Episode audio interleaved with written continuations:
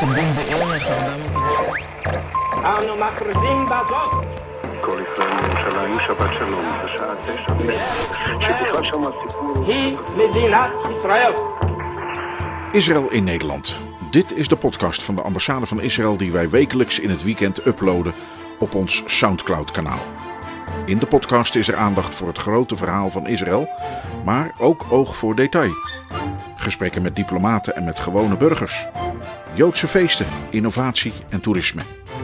De stem van Israël in Nederland. Van harte welkom bij deze aflevering van Israël in Nederland, de podcast van de ambassade van Israël in Den Haag. U verwacht normaal gesproken een nieuwe aflevering van ons aan het einde van iedere week, maar we hebben even iets langer gedaan over deze aflevering. Dat heeft met het onderwerp te maken, wat gevoelig ligt. En met zulke onderwerpen moet je zorgvuldig omgaan, waardoor we ook anderen hebben laten meeluisteren voordat we de aflevering online konden zetten. U hoort er zo meer over. Mijn naam is André Diepenbroek en ik ben uw gastheer. Wel, waar gaat het deze keer dan over? U heeft het vast in het nieuws van iets meer dan een week geleden gehoord of gelezen dat het internationaal strafhof een beslissing heeft genomen die Israël aangaat. De NOS kopte aanklager strafhof kan onderzoek openen naar oorlogsmisdaden in Palestijnse gebieden. In de media werd van alles geroepen en er werd gespeculeerd wat er dan allemaal wel niet kon gaan gebeuren. Dat doen wij hier niet. In deze podcast gaan wij u precies vertellen hoe het nu zit, wat er is besloten en of dat gevolgen gaat hebben voor Israël. We spreken in het Engels twee medewerkers van de ambassade. Allereerst ambassadeur Gilon en ook juridisch adviseur Abigail Fries. En in het Nederlands horen we van correspondent Joop Soesan hoe het nieuws in Israël is gevallen.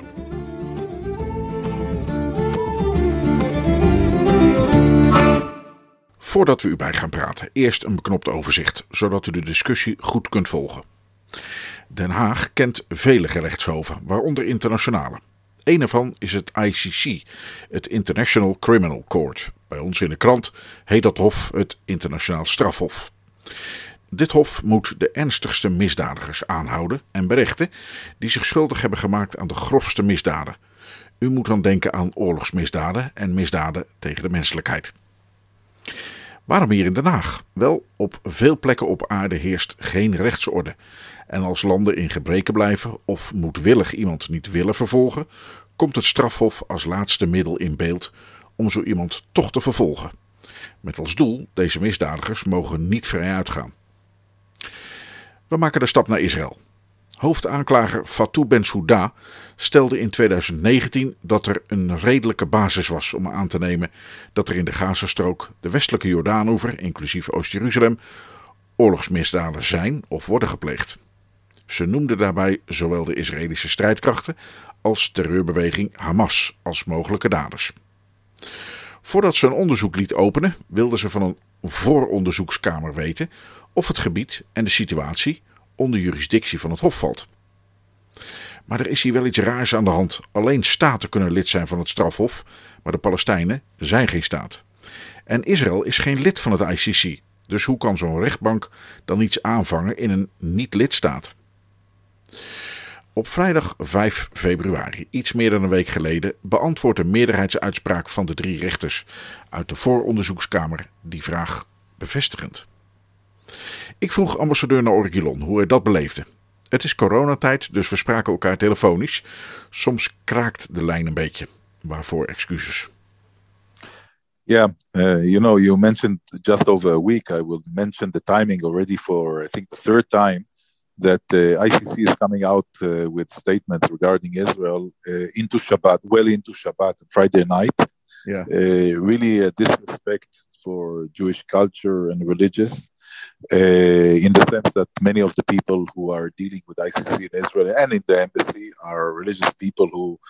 Uh, on Shabbat, do not communicate, uh, do not go online, and do not do anything. But going to the substance of the issue, uh, I think it's a very uh, sorrowful uh, decision of ICC because they are putting themselves into a, a political debate of the question of a Palestinian state, of the territories, of everything. and I think it's a huge mistake. Uh, Israel is not alone in thinking like that because, in a very irregular move, some uh, countries, important countries around the world, just to mention some of them uh, Australia, Canada, Brazil, Germany, uh, Czech Republic, uh, Hungary, Kenya, uh, Uganda, these countries came out and thought, and wrote publicly before the court deliberation, during the court deliberation, and also after the decision that they don't see the situation as in, in this way. I think uh, also the fact that uh, there were three judges, and one of the judges, uh, in a minority uh, but very long and uh, detailed opinion, uh, said that he doesn't doesn't think that the court has to go into it. So. I, I think it's a big mistake. It's bad for Israel. It's politicizing. It's going to uh, it has a potential to harm uh, the negotiations. It's undermining the Oslo Accords. It has so many bad sides into it. And, yeah. uh, you know, uh, the system of the ICC was uh, initiated by Jewish lawyers after the Second World War, after the Holocaust. Yeah. Uh, in order to prevent the reoccurrence of such horrific events. And unfortunately, we already understood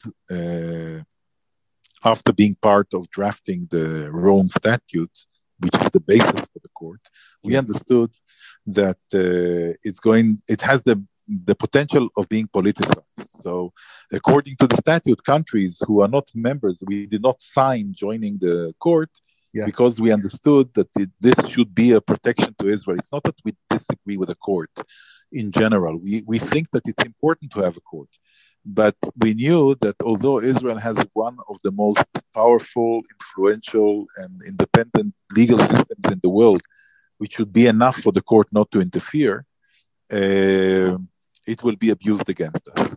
And unfortunately, this this is the case. And we, uh, the you know the the children of the people who initiated this this court are going to be the ones who are put in a situation that we have to fight the court, and we will fight the court because we are left without any any any alternative. I I cannot see Israel accepting any investigation, any arrest warrants, anything of this kind.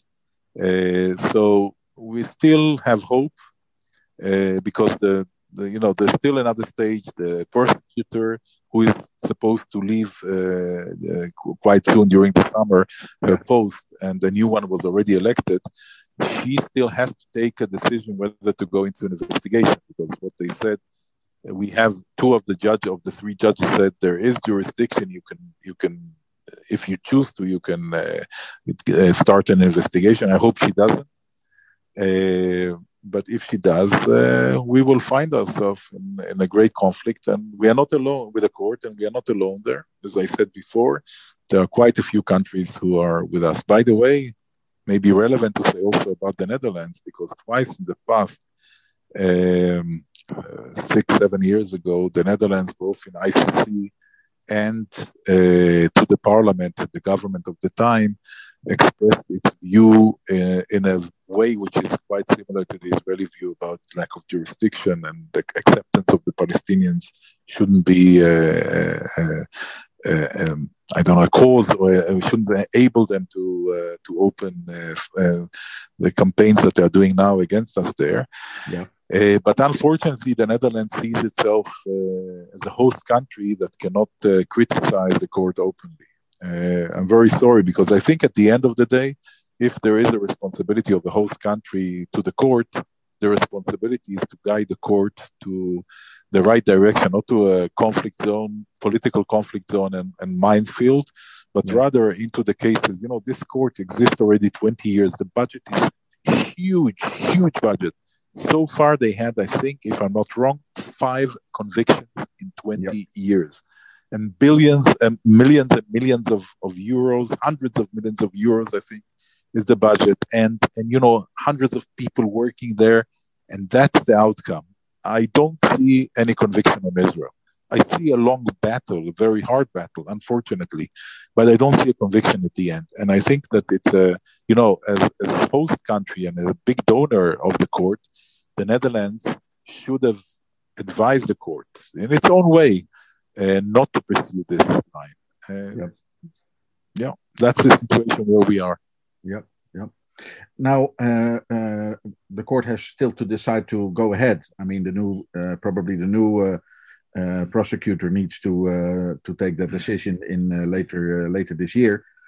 Um, um, we started with the beginning at the beginning that uh, it's kind of it's bad for Israel. In what way specifically can it be bad? Um, I think that it's a um, you know it's it's a, another move, another step in the direction of delegitimization of Israel yeah. trying to portray the only democratic, real democratic Western style democracy in the Middle East uh, to describe us as a parasite. And this is the aim of the politicization and pulling the court inside. Unfortunately, the court fell into the trap. Yeah. Is there any hope that uh, somehow the court will decide different and step out of the trap?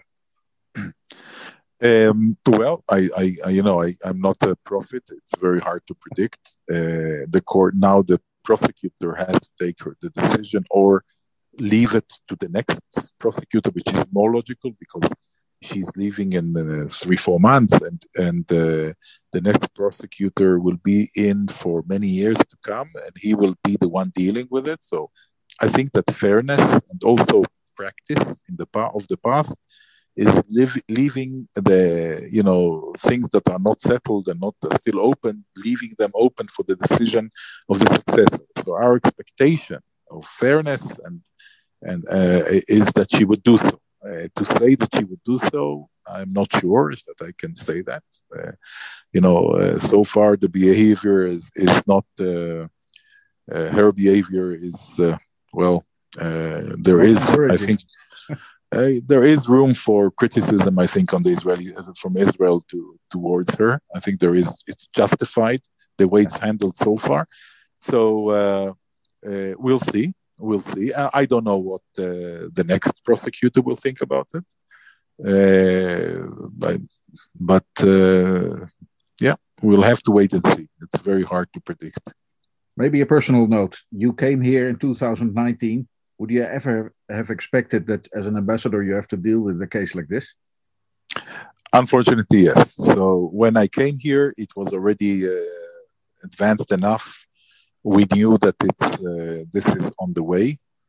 Uh, it's not something new. And that's it. That's uh, the reality of life. It's not the end of the world. We are a very strong country, small but strong country we know how to protect ourselves. We know how to fight for justice. Jews had injustice towards them around the world for, wow, for thousands of years.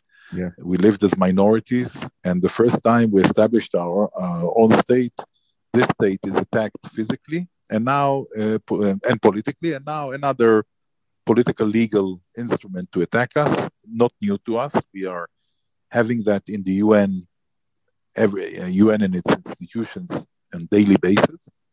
Uh, but we we're strong. We'll survive. We'll fight this like we fight other stuff. So uh, it's okay.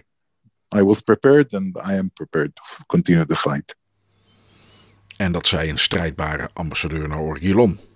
We hebben nu een algemeen overzicht gekregen van wat er speelt. Nu is het tijd om een spaat dieper te steken. Hoe zit het nou precies met die beslissing? Wat is er eigenlijk besloten en door wie? Op iets aanvraag? Wat kunnen we er nou precies wel en niet van verwachten? En is het Hof nou gerechtigd onderzoek te gaan doen of eigenlijk helemaal niet? Vragen te over en die legde ik voor aan onze juridische expert Avigail Fries Ben Avraham. Zij is onze legal advisor op de ambassade. Ik vroeg haar om voor ons even bij het begin te beginnen. Wat zegt deze beslissing die is genomen en wie wil deze zaak eigenlijk aanspannen? So, uh, hi, um, goedemorgen. Sorry, I can't wow. speak Dutch more than that. uh, my Dutch, I'm still working on my Dutch. Um, but basically, yes, there was a decision taken by the uh, International Criminal Court on Friday, um, late afternoon, let's put it this way. and the decision basically granted in the majority, it wasn't a, an overall decision, was a, a two to one decision that granted the prosecutor with the authority to open an investigation with respect to events that happened in the West Bank and Gaza.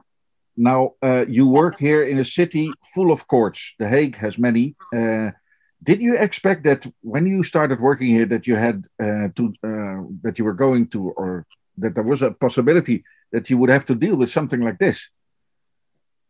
So yes, uh, as I, will just give some background. Maybe some of our audience don't know exactly what happens, but basically, already in 2015, um, the Palestinians asked the prosecutor to open an investigation uh, to what they claim ha- uh, alleged claims uh, in West Bank and Gaza, mm-hmm. and at the request, the prosecutor opened a preliminary examination, started checking, um, and came last year I came to the conclusion that um, she might she's considering open investigation but what she said back then in december not 2019 was that she understands that this is very controversial issues that um, the legal basis here is not really clear where, whether she has what we call territorial what she calls also uh, what the prosecutor also calls territorial jurisdiction mm-hmm. um, and that's that's the question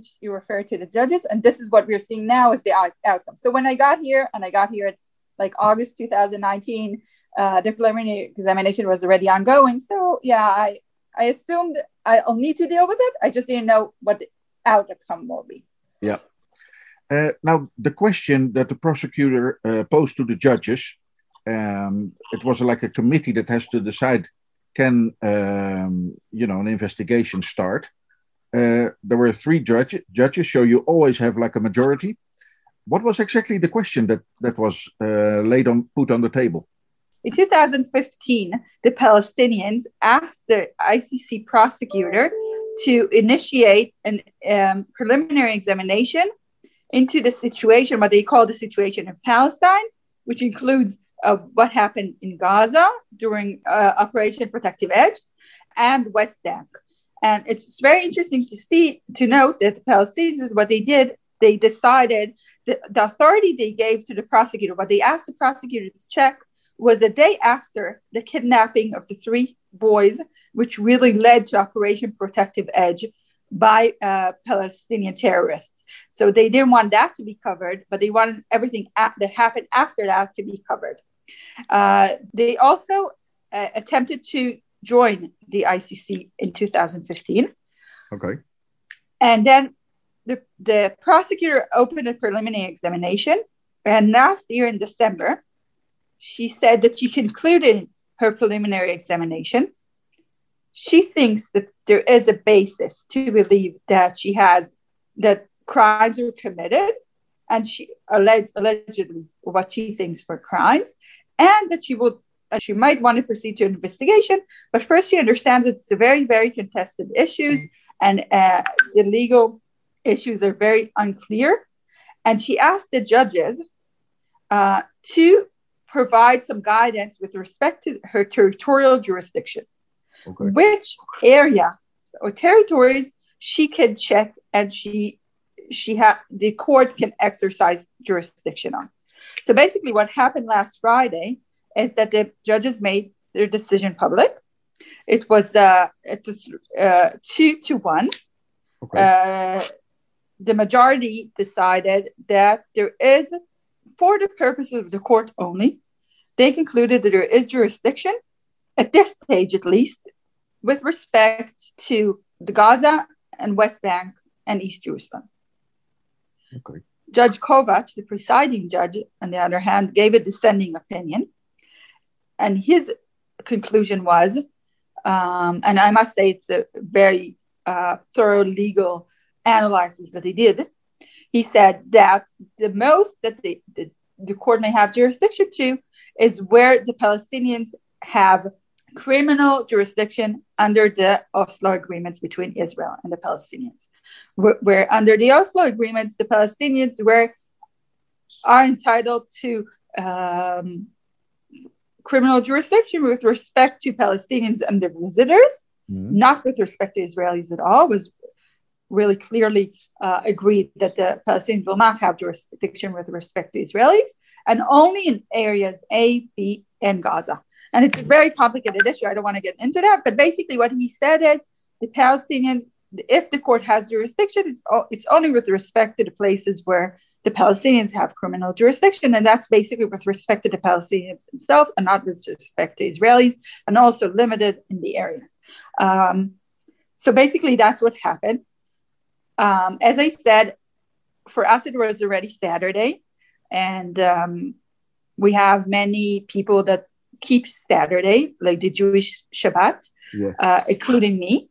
So, and the Attorney General and the legal advisor of the Ministry of Foreign Affairs. So, all of us, we were only able to see the decision uh, after, like at the end of our Saturday, which is Saturday night for uh, everyone else.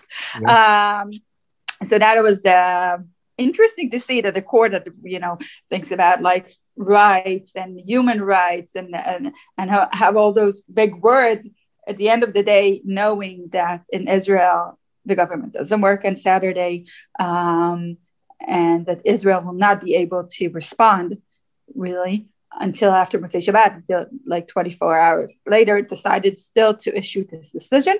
Uh, we didn't get any formal notice in advance, so uh, it was just like um, during Shabbat or during. Saturday that was just like published on the website and was made available to whoever in like in Israel yeah. and abroad that doesn't keep the Jewish Shabbat.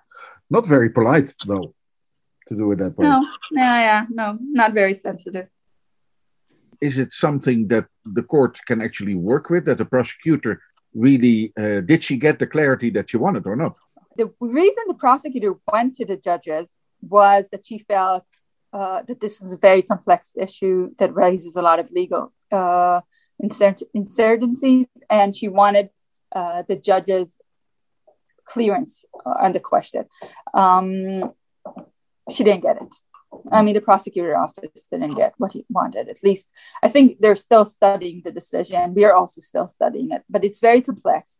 Uh, the judges themselves, the majority judges, also uh, limit their response to this stage of the proceedings only. Um, they also say that because they're only dealing with this state. They're not taking into account the Oslo agreements, whatever, uh, and and the arrangements under that.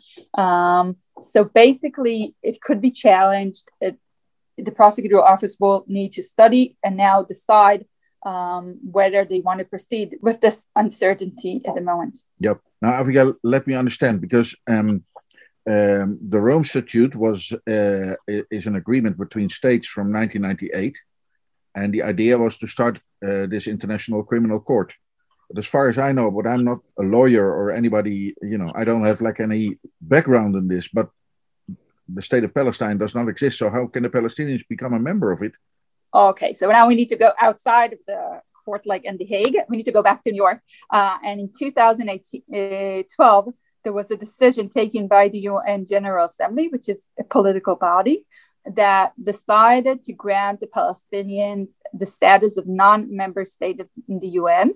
It was very clear also in the in the explanation of votes by many states that they do not think that the Palestinians are a state at the, at the time, yeah. uh, but it was more more of a future aspiration, and and uh, states were thinking um, that this will be maybe part of the two state solution that, are, that they're trying to advance. Um, but based on that decision, after it was, was taken, basically the Palestinians received the, the right to accede to treaties where the UN is the depository, the Secretary General of the UN is the depository. So technically, the Palestinians could have submitted the documents. But if you look at it from a legal perspective, this is a legal court. It takes people does criminal proceedings. When you think about criminal proceedings, it's not enough that you have the technical right to submit something. You really need to dig into the essences. And, and because the Rome statutes requires a state, you really, what in our view, the judges should have done, they really should have dug into the question of whether the Palestinians comply with the requirements of a state under international law. And the judges made it very clear that they did not want to engage in that discussion.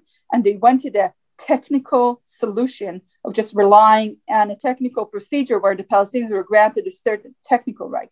Nobody dug, and the, the, the judges make it very clear they're not trying to claim that there is a Palestinian state currently existent. They don't.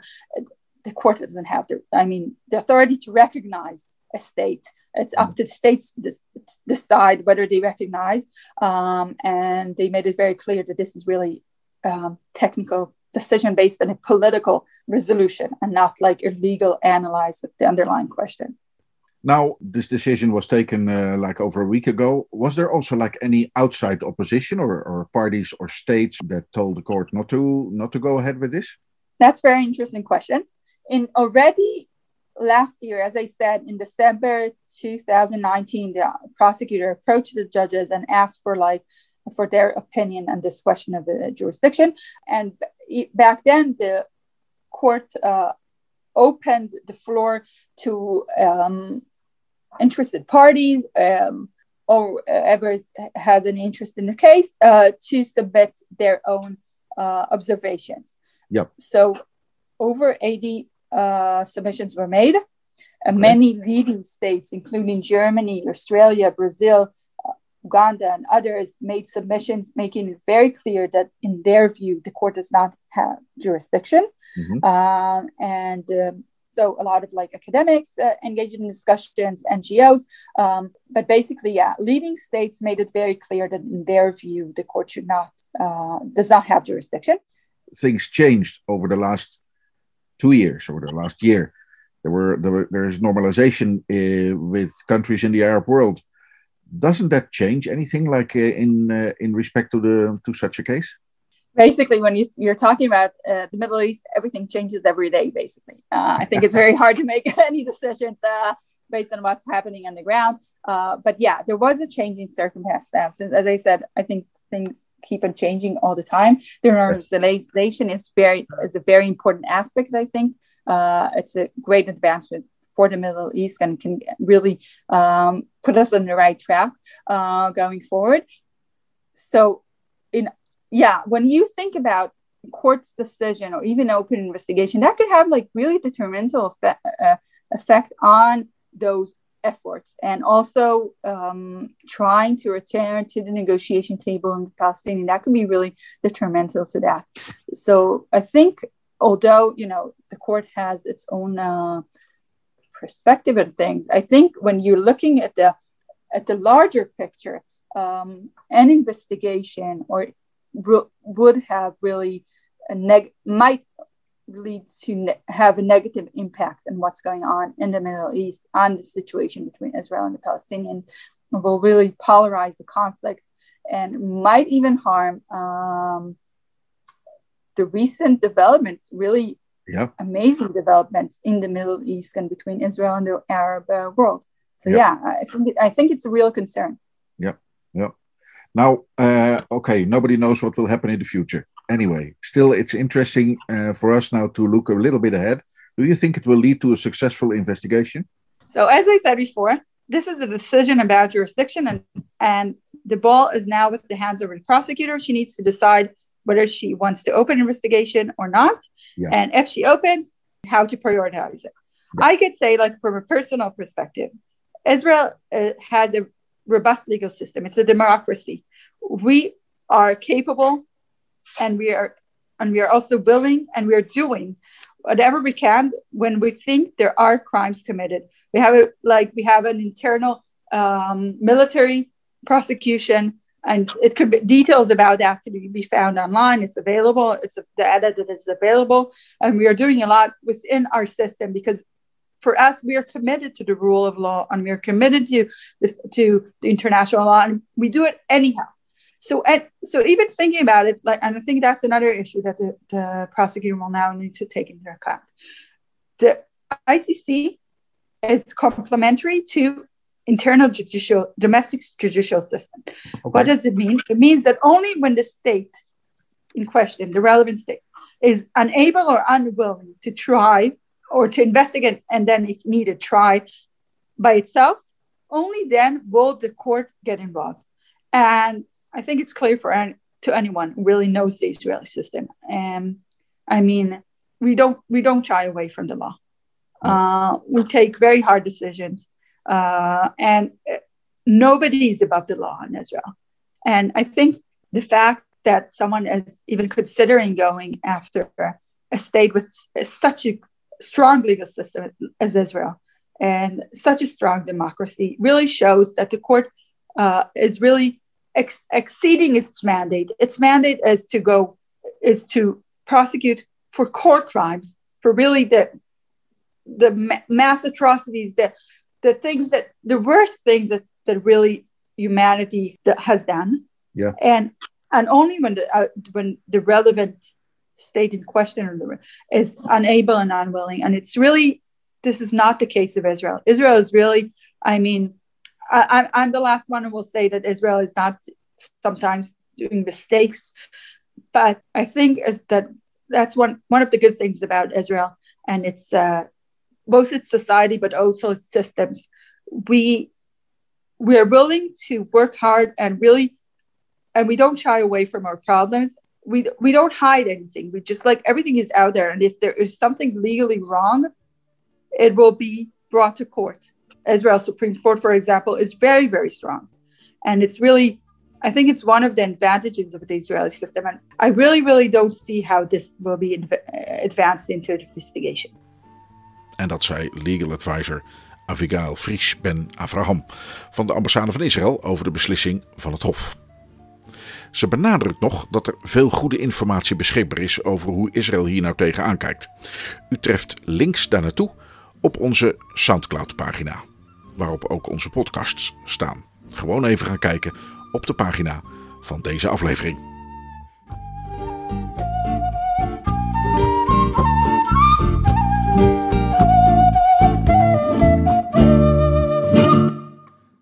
Van Den Haag gaan we naar Netanya in Israël.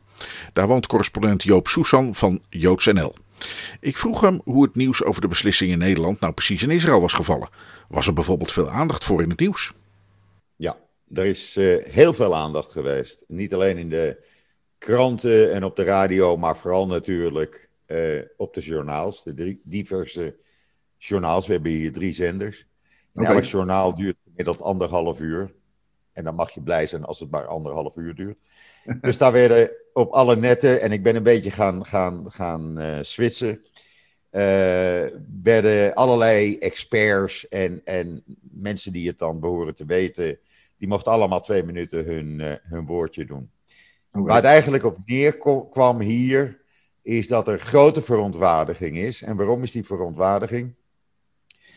Omdat men weet dat ondanks dat men zegt, we gaan kijken oorlogsmisdaden die gepleegd zijn door Israël, de Palestijnen en Hamas, dat het alleen maar gaat om Israël. En zoals premier Netanyahu ook zei, het is meer antisemitisme onze richting uit, eh, dan dat het daadwerkelijk met een zaak te maken heeft. Wat mij opviel trouwens in dit hele verhaal was dat het ICC helemaal geen melding maakte over de aanleiding van die uh, oorlog in 2014. En de aanleiding was dat uh, er twee Israëlische soldaten in een tunnel, Hamas-tunnel, werden gelokt, doodgeschoten werden. En de stoffelijke overschotten meegenomen werden naar, uh, in Gaza. En tot op heden nog steeds niet terug zijn. Ja. Dat was de aanleiding, de daadwerkelijke aanleiding uh, voor die oorlog die Israël toen startte. Protective Edge werd die genoemd.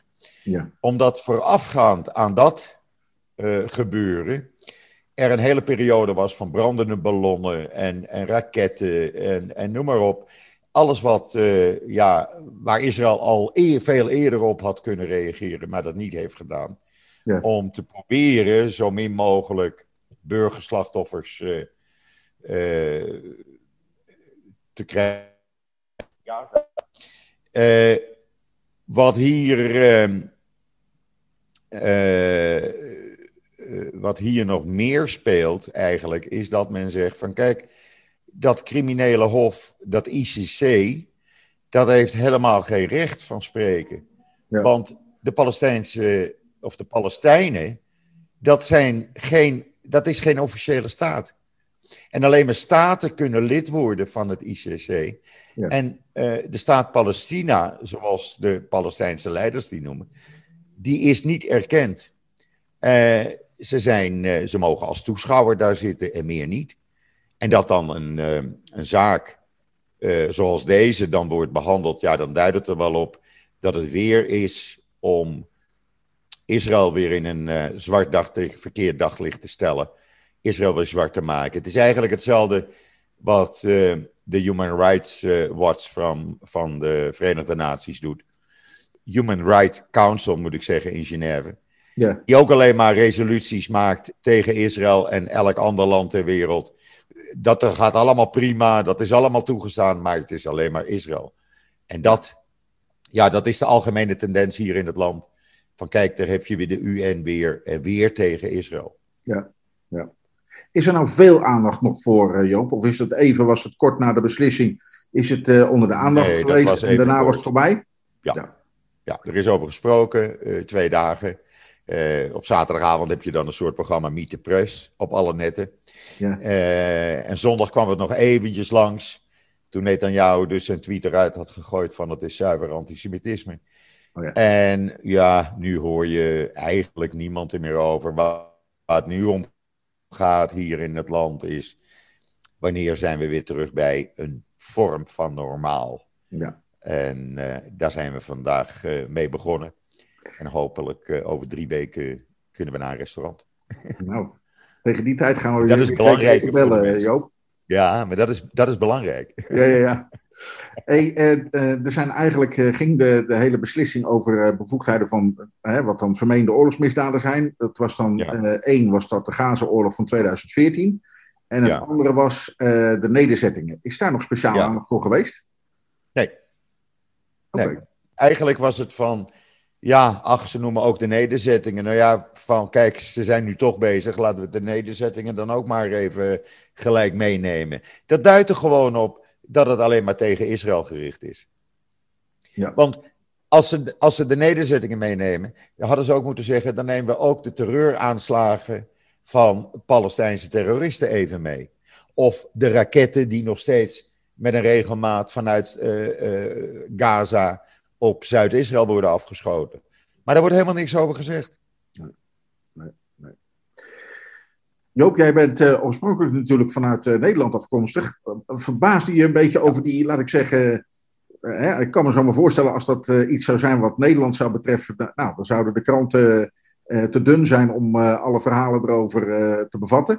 Is dat, eh, verbaasde je erover dat het een beetje toch wat, nou laat ik zeggen, onderkoeld en nou, kalm is opgepakt? Mm, Nee, want dat is eigenlijk hier in Israël gebruikelijk. Er zijn belangrijkere zaken op het ogenblik. Ja. Eh, het coronavirus is veel belangrijker. En hoe krijg ik mijn kinderen gezond naar school en gezond weer terug? En eh, wanneer gaan de winkels open? Wanneer kunnen we weer normaal naar het strand? Eh, wanneer kan ik weer werken?